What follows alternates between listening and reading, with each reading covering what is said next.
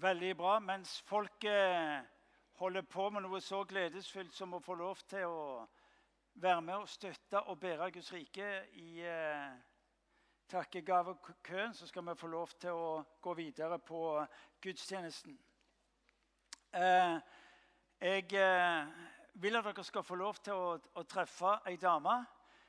Bakgrunnen er at IMI faktisk gjennom hele sin eh, tid, sin måte å fungere på, har alltid vært åpen for impulser utenfra.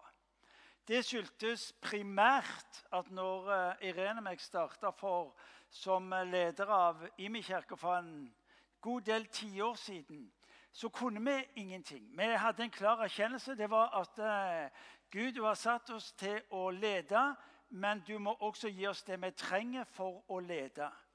Og så har vi gjennom disse 35 åra nesten systematisk ble tatt inn i miljøer og møter med andre kristne, andre menigheter.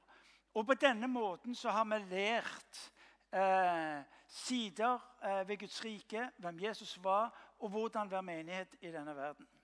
Eh, og Det betyr at når folk ser på Imi-kirka, så, så, er det litt vanskelig å plassere oss. For i utgangspunktet så er vi altså sterkt lutherske. Og så ser folk en del andre elementer som gjør at de er litt sånn forvirra på hvem er vi egentlig Men jeg har funnet ut det er ikke så farlig. Eh, fordi at hvis bare denne lapskausen er god, så er jo folk egentlig fornøyd med smaken på lapskausen og ikke eh, hvordan det burde vært, eller osv. Det betyr at eh, Imi kirke har henta sine impulser fra den anglikanske kirka. Eh, svært mye, svært solid, fordi at eh, vi møtte i den anglikanske kirka i England er altså veldig, eh, i stor grad parallell til den norske statskirka. Og Den relasjonen betydde veldig mye for oss i en fase. Og så opplevde vi egentlig at Gud tok oss inn i ulike miljøer. Vinjard betydde en del i med kirka en god periode. Og så hadde vi en lengre periode hvor vi også hadde Willow Creek, Bill Hybels og Saddleback med, med mm, Rick Warren. Eh, som er alt annet enn typisk lutherske eller litt sånn karismatisk inspirerte. Men de hadde med seg eh, verdier, de hadde med seg erfaringer som vi som menighet tenkte at det må vi få tak i. Og nå har vi de siste eh, syv-åtte årene så har vi hatt en eh, nær relasjon med Battle Church i California. Eh, det er en pinsekarismatisk eh, menighet som vi ser eh, Gud bruker på en utrolig sterk måte. Det er et faktum at hvert år nå, de siste årene har den, sko, den menigheten nærmere 2000 studenter på alle nivåer gående og surrende i sin menighet. 2000 studenter. Byen som denne ligger, menigheten ligger i, det er en by på størrelse av Stavanger. Hadde vært kult. Dere tar den? Det hadde vært kult. Ja. Altså, Kan han gjøre noe i et hull langt nord i California? Fire timer, altså, fire timer langt inn i ørkenen. Så tenker jeg at det, kom an, det, er, det er mye mer praktisk med Stavanger. Jeg har tipsa han om det. Så får vi se hvordan det går. Men uh, nå får vi se. Ja. uh, det er ikke godt å si. Men, men det, som, det, som, fascinerer meg, og som fascinerte meg helt fra begynnelsen av, det er for det første å se en menighet med sitt lederskap som, eh, som lever det de lærer. Det å se hvordan de er opptatt med å gi videre, med å overdra en arv til unge mennesker, det gjør inntrykk på meg. De lever med et perspektiv av å se en generasjon ha betydning. De snakker om å se menigheten være med på å forvandle byen. Og så, og så blir ryktet om denne menigheten at det livet de lever, det de gir ut, har forvandling på byen. Og eh, Da Irene meg var der borte hadde to måneders permisjon i menigheten, så, så slo det oss igjen hvor alt var alminneliggjort. De forholdt seg til Guds ord som Guds ord. Og så fikk de se at Gud handla eh, på overnaturlig vis, på konkret og praktisk inn i menneskers liv på en hel masse områder. Så vi tenkte at det må vi gjøre noe med. Og så, eh, og så bestemte vi oss for, for to-tre år siden å opprette, et reiseselskap, et reisebyrå i menigheten. Det ledes av direktør Norunn Bakkebø. Eh, Det er veldig lokalt, for det er kun her i menigheten det fungerer. Men det som er det interessante er at de siste årene så har vi altså I oktober måned reiser normalt sett mellom 50 og 60, og i februar reiser ca. 30. Og Det som går igjen, da, det er vitnesbyrdene om hva Gud eh, berører livene de som er. Og vi ønsker å se det skje i stadig større grad. Du leser om, eh, Spesielt i Salmenes bok så leser du om en salme som ble skapt under festreisene til Jerusalem. I dag er det òg festreiser til ulike plasser. Bethel Church er et av de stedene hvor tusener av mennesker reiser til. Både for å se, lære og erfare. Det er et faktum at Adrian, som dere kjenner, som ble helbredet, mirakuløst ble helbredet, det skjedde i Bethel Church. Bare det skulle i seg selv være nok til å si Jesus, hva er det du holder på med? La oss få tak i dette her. Eh, det er en der borte som har sagt Gud har gitt deg det du trenger, men det du vil ha, må du gå for. Så eh, jeg vil dere nå skal møte eh, Kom an. Eh, ei som var der borte nå i eh, oktober måned. Eh, og så vil jeg at dere skal lytte til henne. For det vitnesbyrdet bærer med seg, forteller noe med en Gud som ikke bare gjør noe, men som vil gjøre det igjen. Kom igjen, mikrofonen. Vi gir henne en skikkelig klær.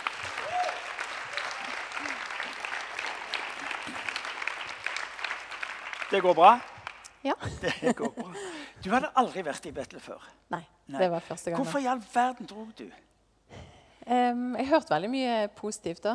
Um, hørtes spennende ut å ja, være med på. ja, Og så vet vi at disse turene våre eh, Damene må kjøre så mye etter nå. Men det er lagt opp litt sånn kombinert shopping. Der er outlet og alt det der. Og så er det for mannfolk er det da eh, fallskjermhopping og Segway og litt sånn forskjellig. Og så er det litt gøy, og så er det sterkt åndelig. Og det er jo det som det må skje. Hvis vi skal leve sterkt åndelig, folkens, så må vi være sant menneskelige. Så uh, Der har vi lagt inn shopping. Men det var ikke det du var opptatt med. Nei Litt, litt julegaveshopping. Litt, det sier Irene òg. Det er så praktisk å reise der, bare for du kan kjøpe julegavene. Ja. Irene sa ja. Fortell. Du opplevde at Gud eh, både gjorde noe med livet ditt, og så fortell. Ja, um, jeg må først fortelle noe som skjedde rett før jeg reiste. Ja. Um, for det var litt mindre enn en uke før jeg skulle reise, så uh, oppdaget jeg um, at jeg hadde en kul i det ene brystet. Uh, da ble jeg jo selvfølgelig litt friket ut. det er ikke så kjekt å finne sånne ting. Så var jeg hos legen samme dag, og han prøvde liksom å måle denne kulen. Den var ca. Sånn 3,5 cm ganger 3 cm. Um, så prøvde jeg å komme til på sykehuset før jeg skulle reise, men det, det gikk ikke, for det var så få dager. Um, så jeg måtte nok vente til jeg kom igjen fra USA da, før jeg kunne komme til det. Så var jeg litt usikker på om jeg skulle reise. Jeg og John, mannen min, snakket litt om det. Om skal jeg reise, eller skal jeg være hjemme, eller hva. Eh, men vi fant ut at det var egentlig ikke greit at jeg reiste. Så hadde jeg noe annet å tenke på, i hvert fall. um, så det gjorde jeg. Um, så var det da den siste helgen når vi var i, um, i Reading, så var vi på um, healing room, samme sånn helbredelsesrommet som vi har her. um, for jeg hadde jo lyst til å bli bedt for. og da kom det tre stykker bort til meg, eh, en eldre mann og to damer. Og han, sa, han mannen sa at han hadde bedt for mange før som hadde hatt kuler i brystet, og, og mange av de hadde blitt eh, friske da. Um, så det tenkte jeg var jo ganske bra. det Passet jo godt. Uh, så ba de for meg. Um, jeg kjente liksom ikke at det skjedde noe der da, men uh, de spurte om de kan sjekke da, om liksom, det hadde skjedd noe. Så da sa jeg ja, jeg kan gå ut på toalettet og sjekke. så det gjorde jeg, og da, um, uh, og da merket jeg med en gang at kulen var ikke der lenger.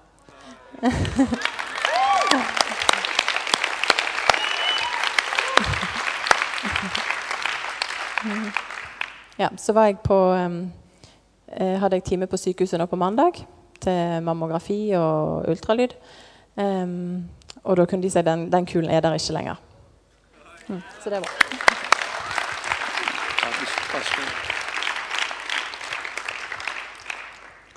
Eh, kan jeg be dere alle om å reise dere?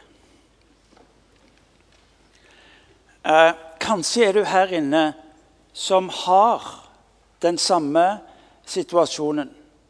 Enten ved at du har kul i brystet, eller du er, har brystkreft. Og vi, vi, ønsker å be for deg. Eh, fordi vi tror at når vi hører vitnesbyrd om hva Gud gjorde gjennom Inger, med Inger Helen, så har vi frimodighet til å be om det konkret når vi nå har hørt om det. Eh, så kan jeg be deg som er her inne, som, som er i samme situasjon, bare om å vise det, og så vil vi gjerne få lov til å be for deg. Det er, lettere, det er lettere å vise det når alle står der det er ingen som ser deg. Så kom igjen. Er du, er du her inne, så la oss få lov til å be for deg. Vi ser ingen. Da skal vi be allikevel en bønn, vi skal be for de menneskene som du kjenner. Som har akkurat denne situasjonen, og som opplever dette som så vanskelig og så utfordrende. Så ja, kom igjen.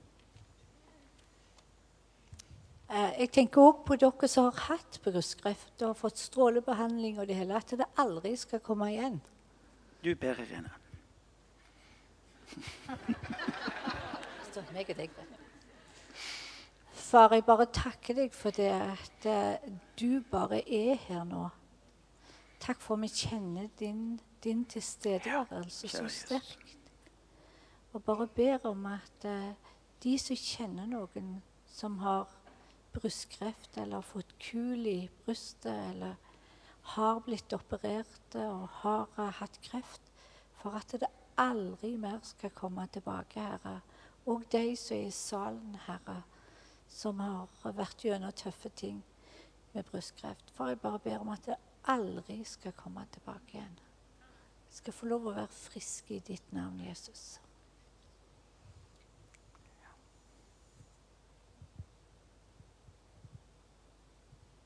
Herre, jeg ber om eh, at du skal komme med din legedom, Herre, til de eh, ja.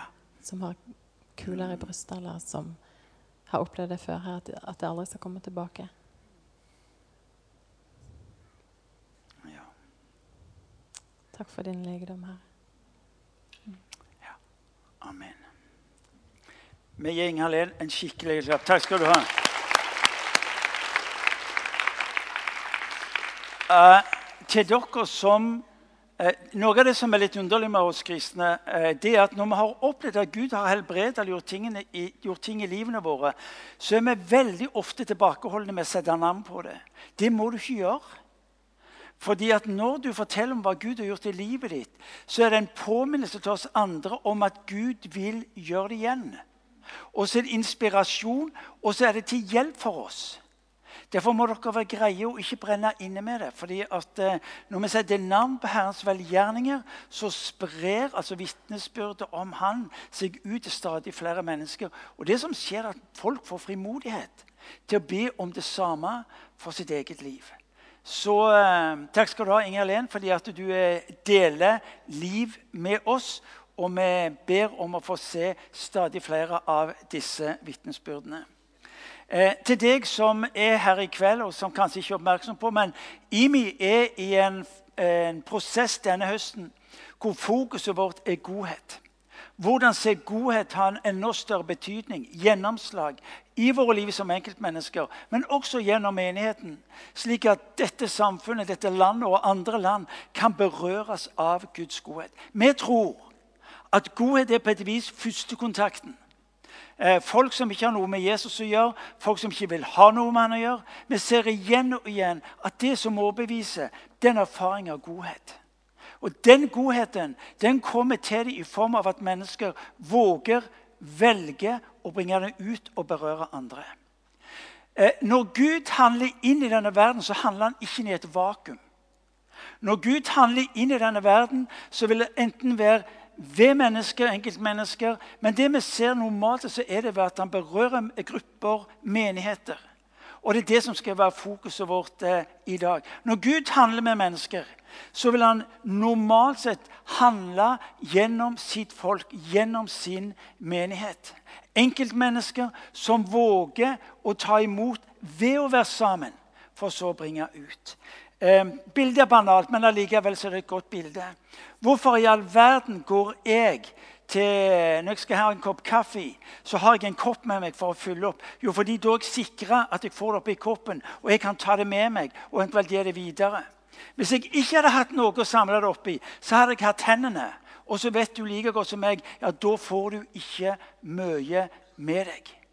Når Bibelen er opptatt med å fortelle om hvordan Gud handler inn i denne verden, så er det nettopp for at du og meg skal få tak i at det han gjør, han berører mennesker som kommer sammen for sammen å bringe dette her ut. Når du leser om den første kristne kirka, så leser du om du snakker om at Der var det ikke bare en liten sånn en spring som du kom ifra. Det var sånn brannhydrant. Er du med?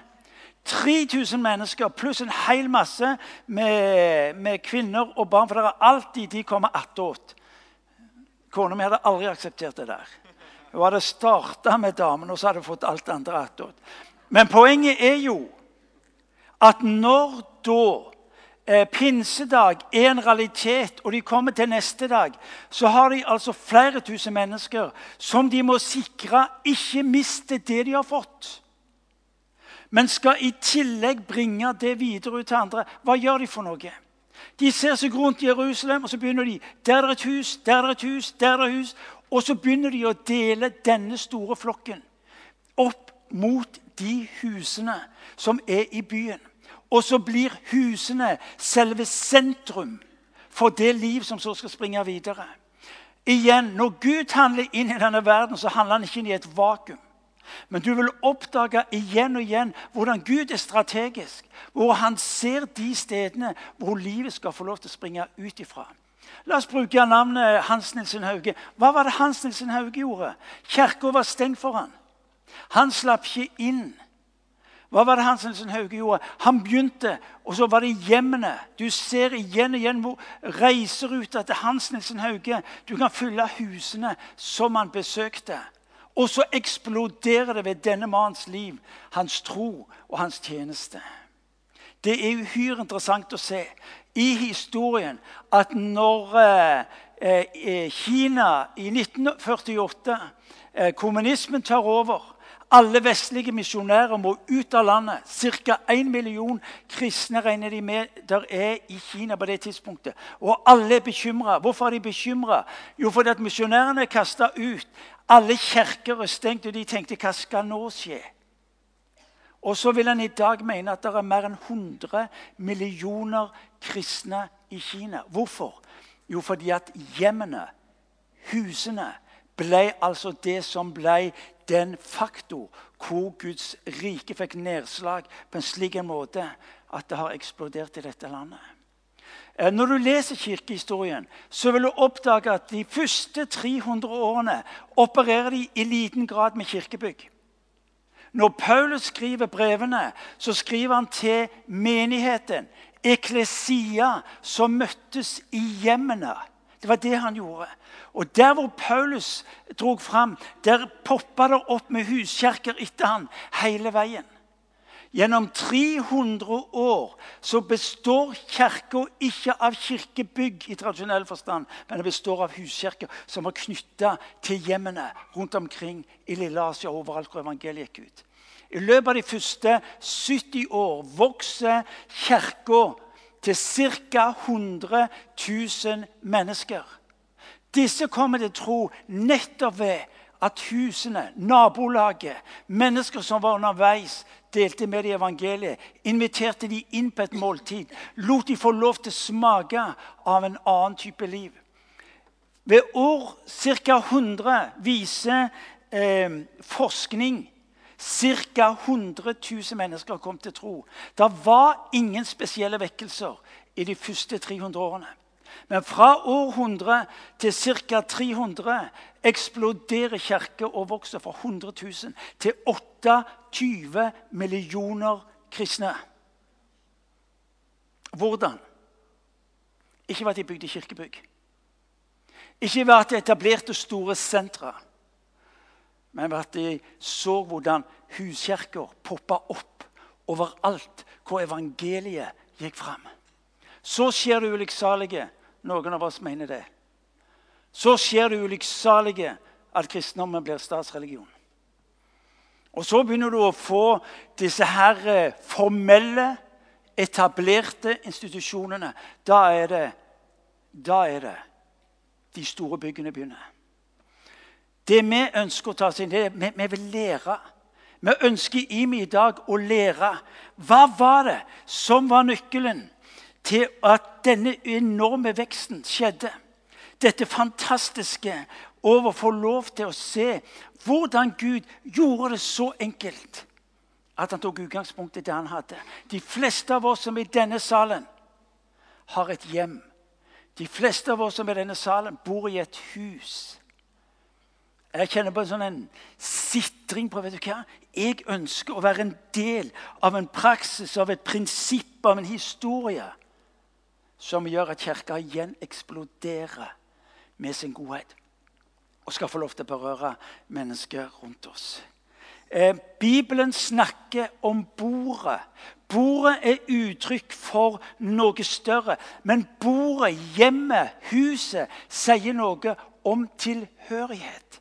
Det er en plass jeg hører til. Familien. Og så blir bordet bare selve møtepunktet. Bibelen er full av beretninger om hendelser rundt bordet.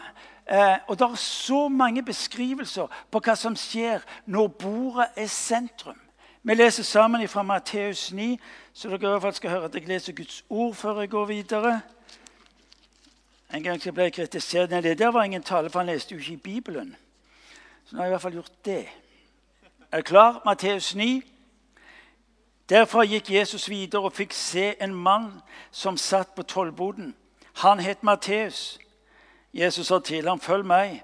Og han reiste seg og fulgte ham. Senere var Jesus gjest i huset.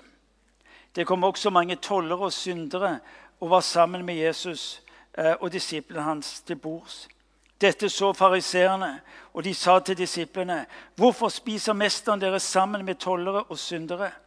Men Jesus hørte det og sa, det er ikke de friske som trenger lege, men de syke. Gå og lær hva dette betyr. Det er barmhjertighet jeg vil ha, ikke offer. Jeg er ikke kommet for å kalle rettferdige, men syndere. Hvorfor denne reaksjonen fra de skriftlærde og fariseerne? Jo, fordi at i jødisk tradisjon så hadde bordet en, en enorm betydning. Bordet representerte anerkjennelse. Eh, bordet representerte vennskapet. Bordet representerte vet Du hva? Du betyr noe for meg, og jeg vil du skal vite at når jeg inviterer deg til å sitte ved mitt bord, så skal du kunne regne med meg. Jeg skal stå opp for deg. Jeg skal representere det du vil måtte trenge. Det er det det bordet betyr. Og når da fariseerne og de skriftlærde ser at de Jesus sitter med rundt bordet, så er det noe som skjærer seg. Du sitter sammen med feil folk, Jesus.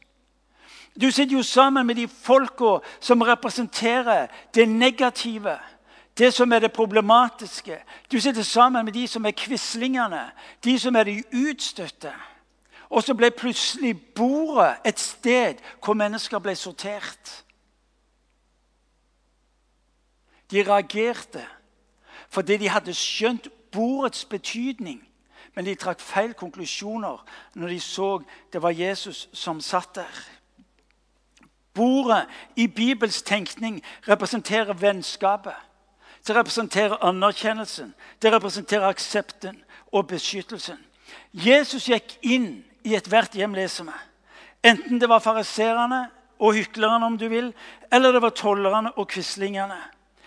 Der tok han imot de utstøtte, der ga han plass til de som ikke var akseptert.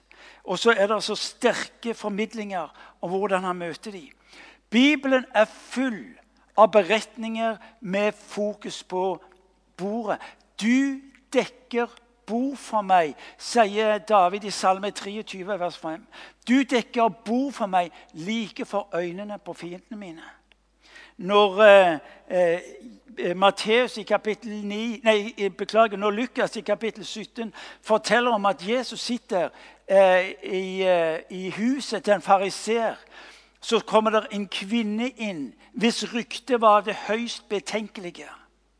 Men der ved bordet rydder Jesus plass for henne og gir henne hovedplassen.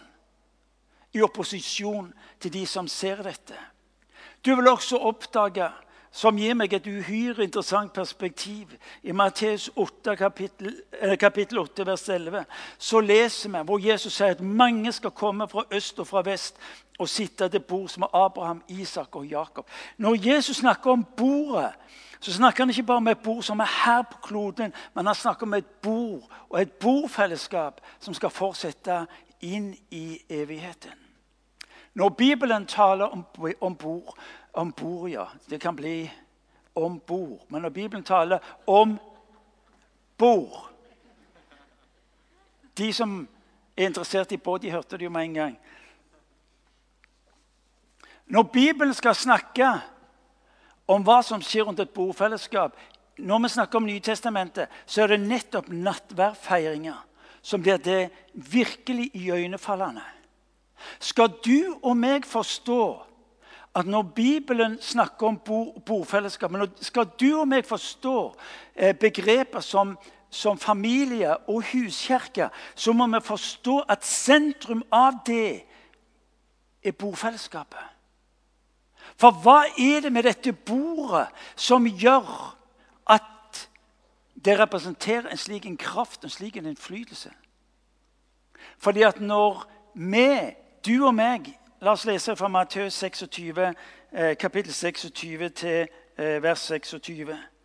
For du skal få tak i hva som møter oss når vi snakker om bord. Mens de holdt måltid, leser vi tok Jesus et brød, takket brødet, ga disiplene og sa, 'Ta imot og spis. Dette er min kropp.' Og han tok et beger, takket, ga dem og sa, 'Drikk alle av det.' For dette er mitt blod, paktens blod, som blir utøst for mange, så syndene blir tilgitt.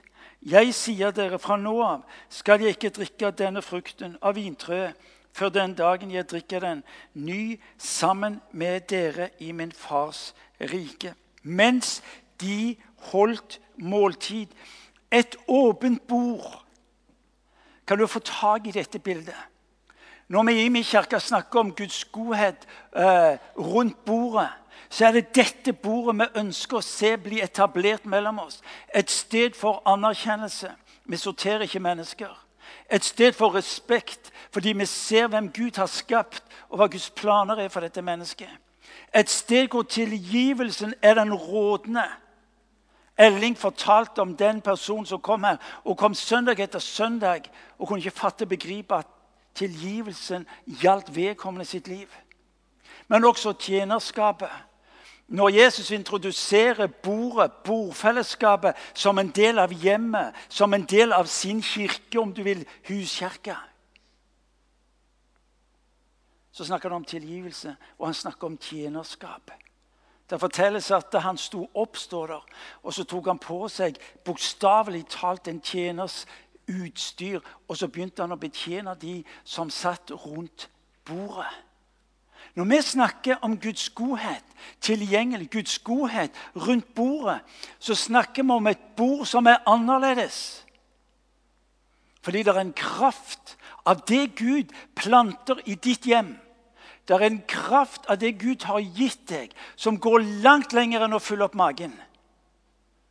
Som skal få lov til å berøre, som skal få lov til å sette fri. Som skal representere en kraft utover husets fire vegger.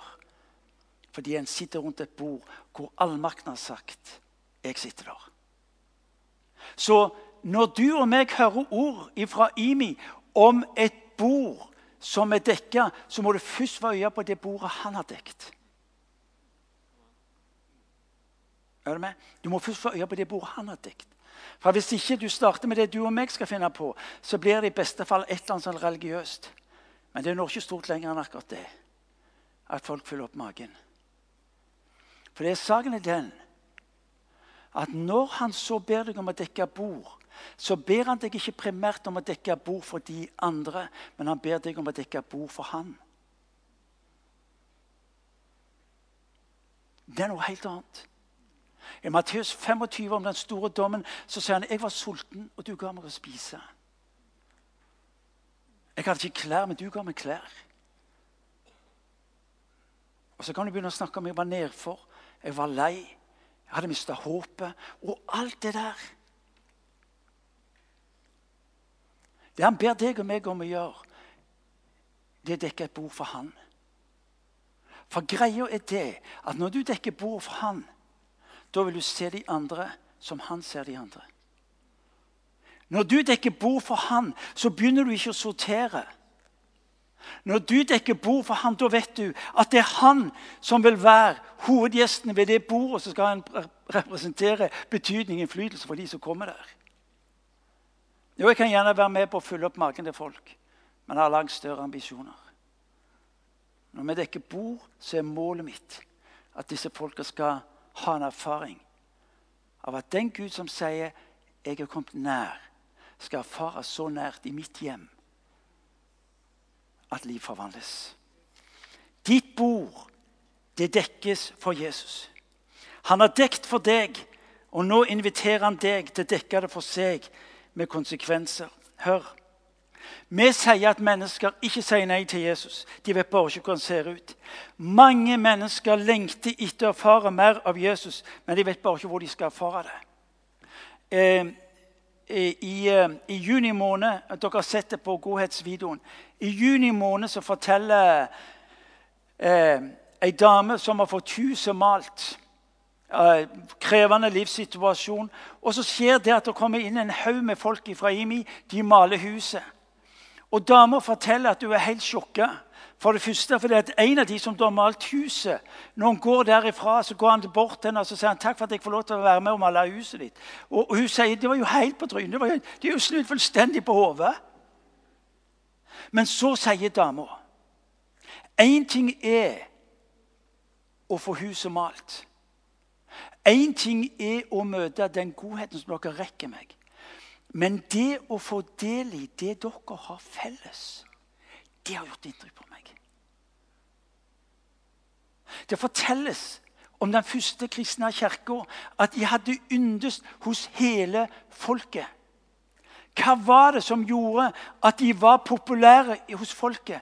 Jo, fordi at de delte liv med hverandre som familie. Og så bar de dette her ut. Og så forvandla de byen.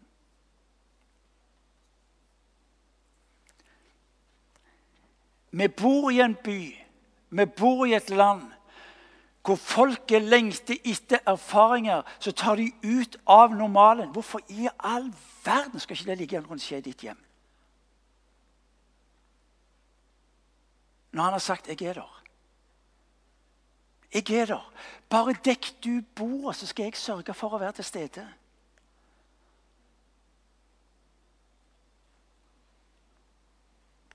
Noe sånt.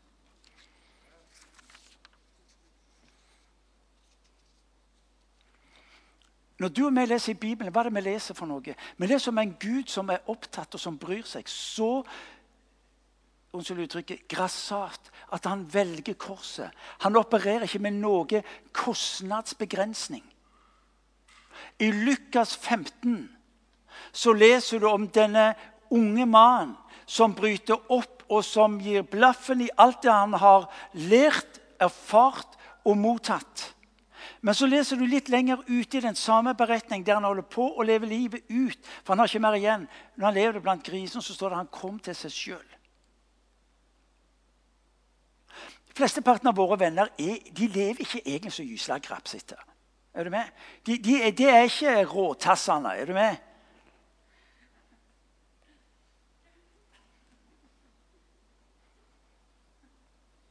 De er ikke så fryktelig ille. Men vet du hva jeg vet?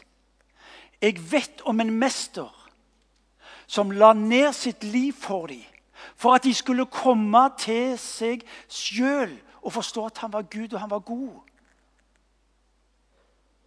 Vet du hva? Hjemmet ditt, bordet som du inviterer dem til å sitte rundt, vil for mange i tida som kommer, være det stedet hvor de kommer til seg sjøl.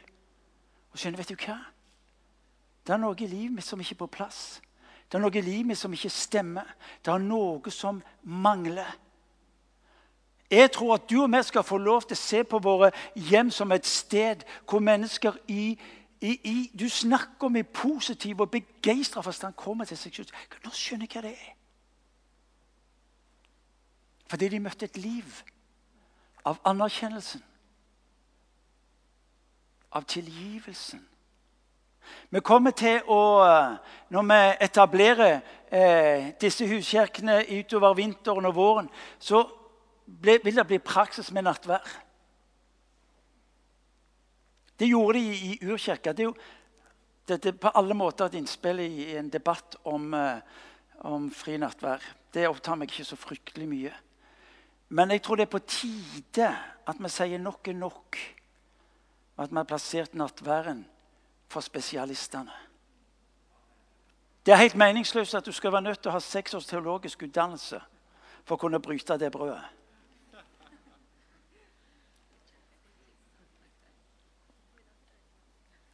Vi ønsker å se våre hjem bli de kraftstasjonene som vi ser det betydde i den første kristne tida. Som vi så det betydde i Hans Nilsen Hauges tid. Som vi så det betydde for, for, for eh, den forfulgte kirka i Kina gjennom hele tida med Mao Zedong. Vi tror vi kalles til å se eh, våre hjem med bordet, med bordfellesskapet, bli det som det var tenkt å være eklesia, menigheten, huskirka, som har betydning langt utover det vi trodde var mulig. Og Så kan vi få lov til å leve livene våre i, i denne pendelen mellom senteret som er her, og de ulike hjemmene som er rundt omkring byen og i regionen. Eh, det er en far, folkens, i himmelen som bærer på en smerte. Fordi at de folka som han døde for, ennå ikke har lært han å kjenne. Ditt og mitt hjem skal få lov til å være en slik en plass. Og ja, Vi skal gå inn på det praktiske og de ulike ting. Det skal vi gå inn på litt seinere.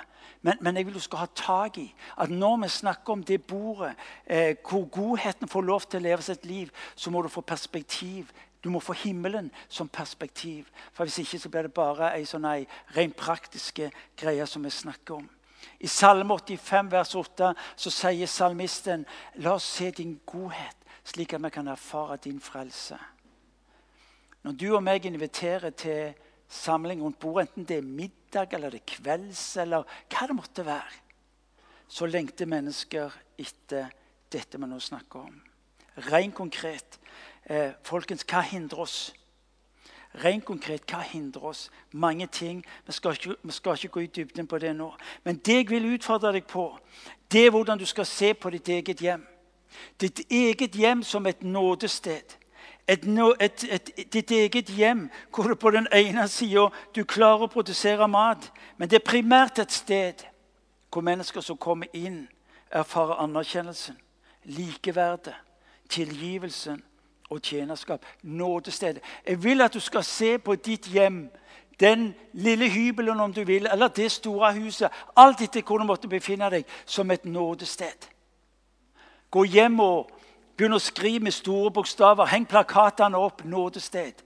Nådested. Når du våkner om morgenen, så vet du dette er et nådens sted. Dette er et nådens sted. Og så ser du på bordet og så tenker du hva? Ja, dette stedet. Jesus, jeg, jeg, jeg vil dekke et bord for deg.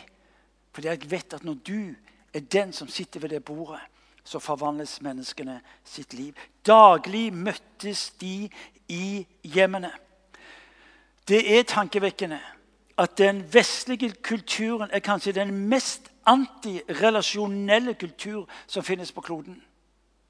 Det er så sterke motkrefter på det jeg nå snakker om, fordi vi er en del av en vestlig kultur som hater relasjoner men som lengter etter å erfare det. Når vår tids folkesykdom er ensomhet, da sier det mye om hva slags kultur vi har. Vi ønsker som kirke både å være en profetisk røst inn i dette, her, men vi ønsker også å være en motkultur. Menneskene har ikke sagt nei verken til å tro på Jesus, de vet bare ikke hvordan han ser ut, eller sagt nei til å erfare hans godhet. så skal vi snakke senere om tidsklemmer som mange av dere befinner dere i. Vi skal snakke om hvordan, hvordan må jeg ta en type time-out på livet mitt, slik at jeg lever det jeg er kalt til å leve. Slik at livet mitt kan bety en forskjell. Jeg skal slutte. To historier. Margit Leirgul. Jeg møtte henne for 30-40 år siden. Det er lenge siden, det. Margit Lergul, enke fra Måløy. Ei fenomenal dame. Dere skal få tre historier. To av Margit. To av Margit. Hun forteller hun jobbet på fiskemottaket på Måløy.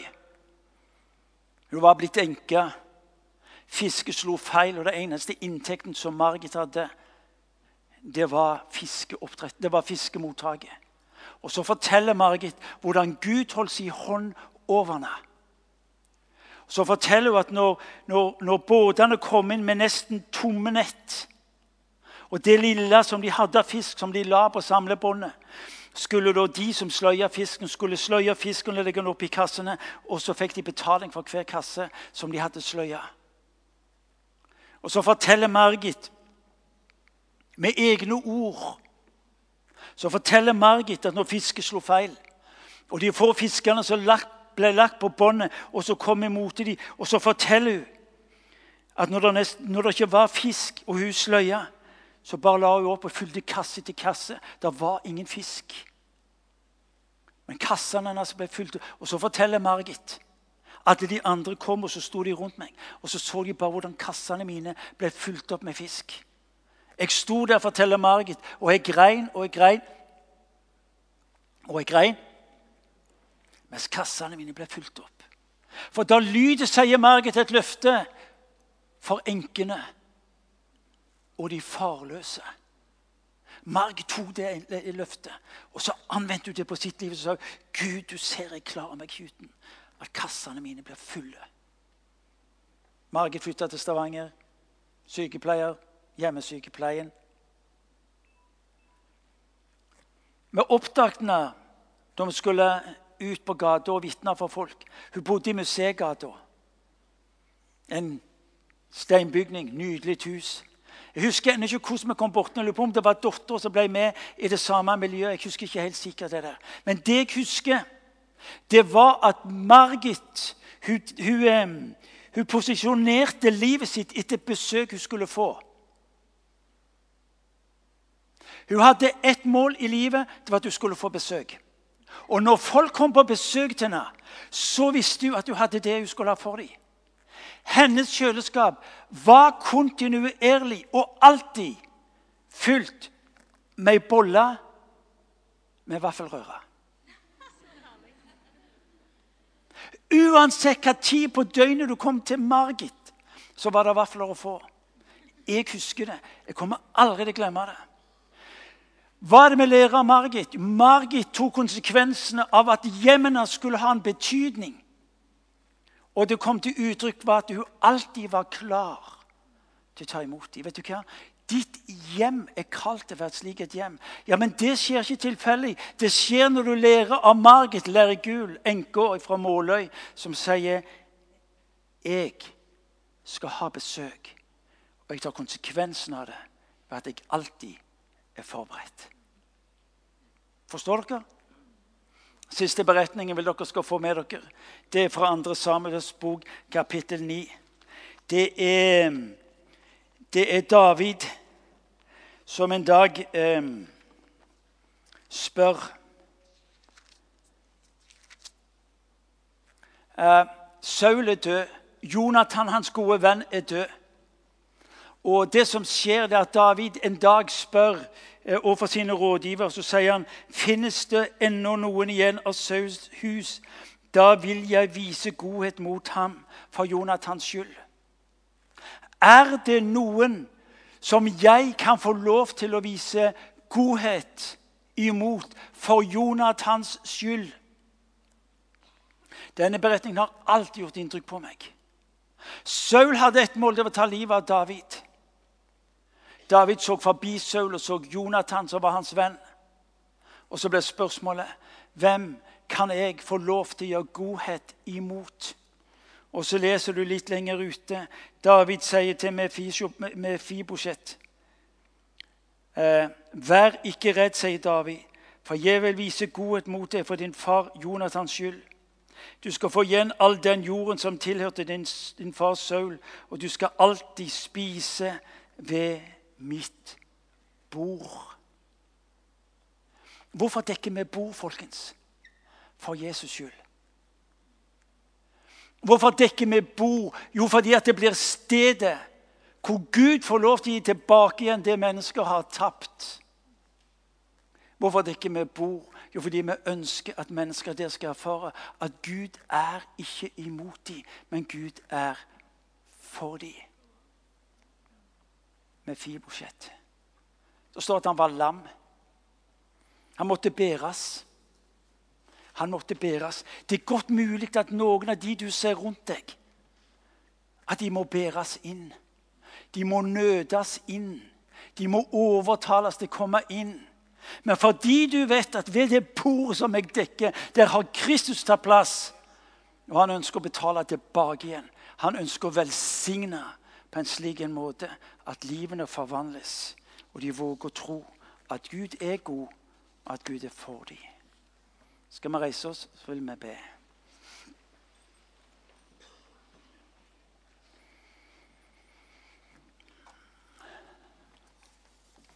Jeg vil du skal se koppen.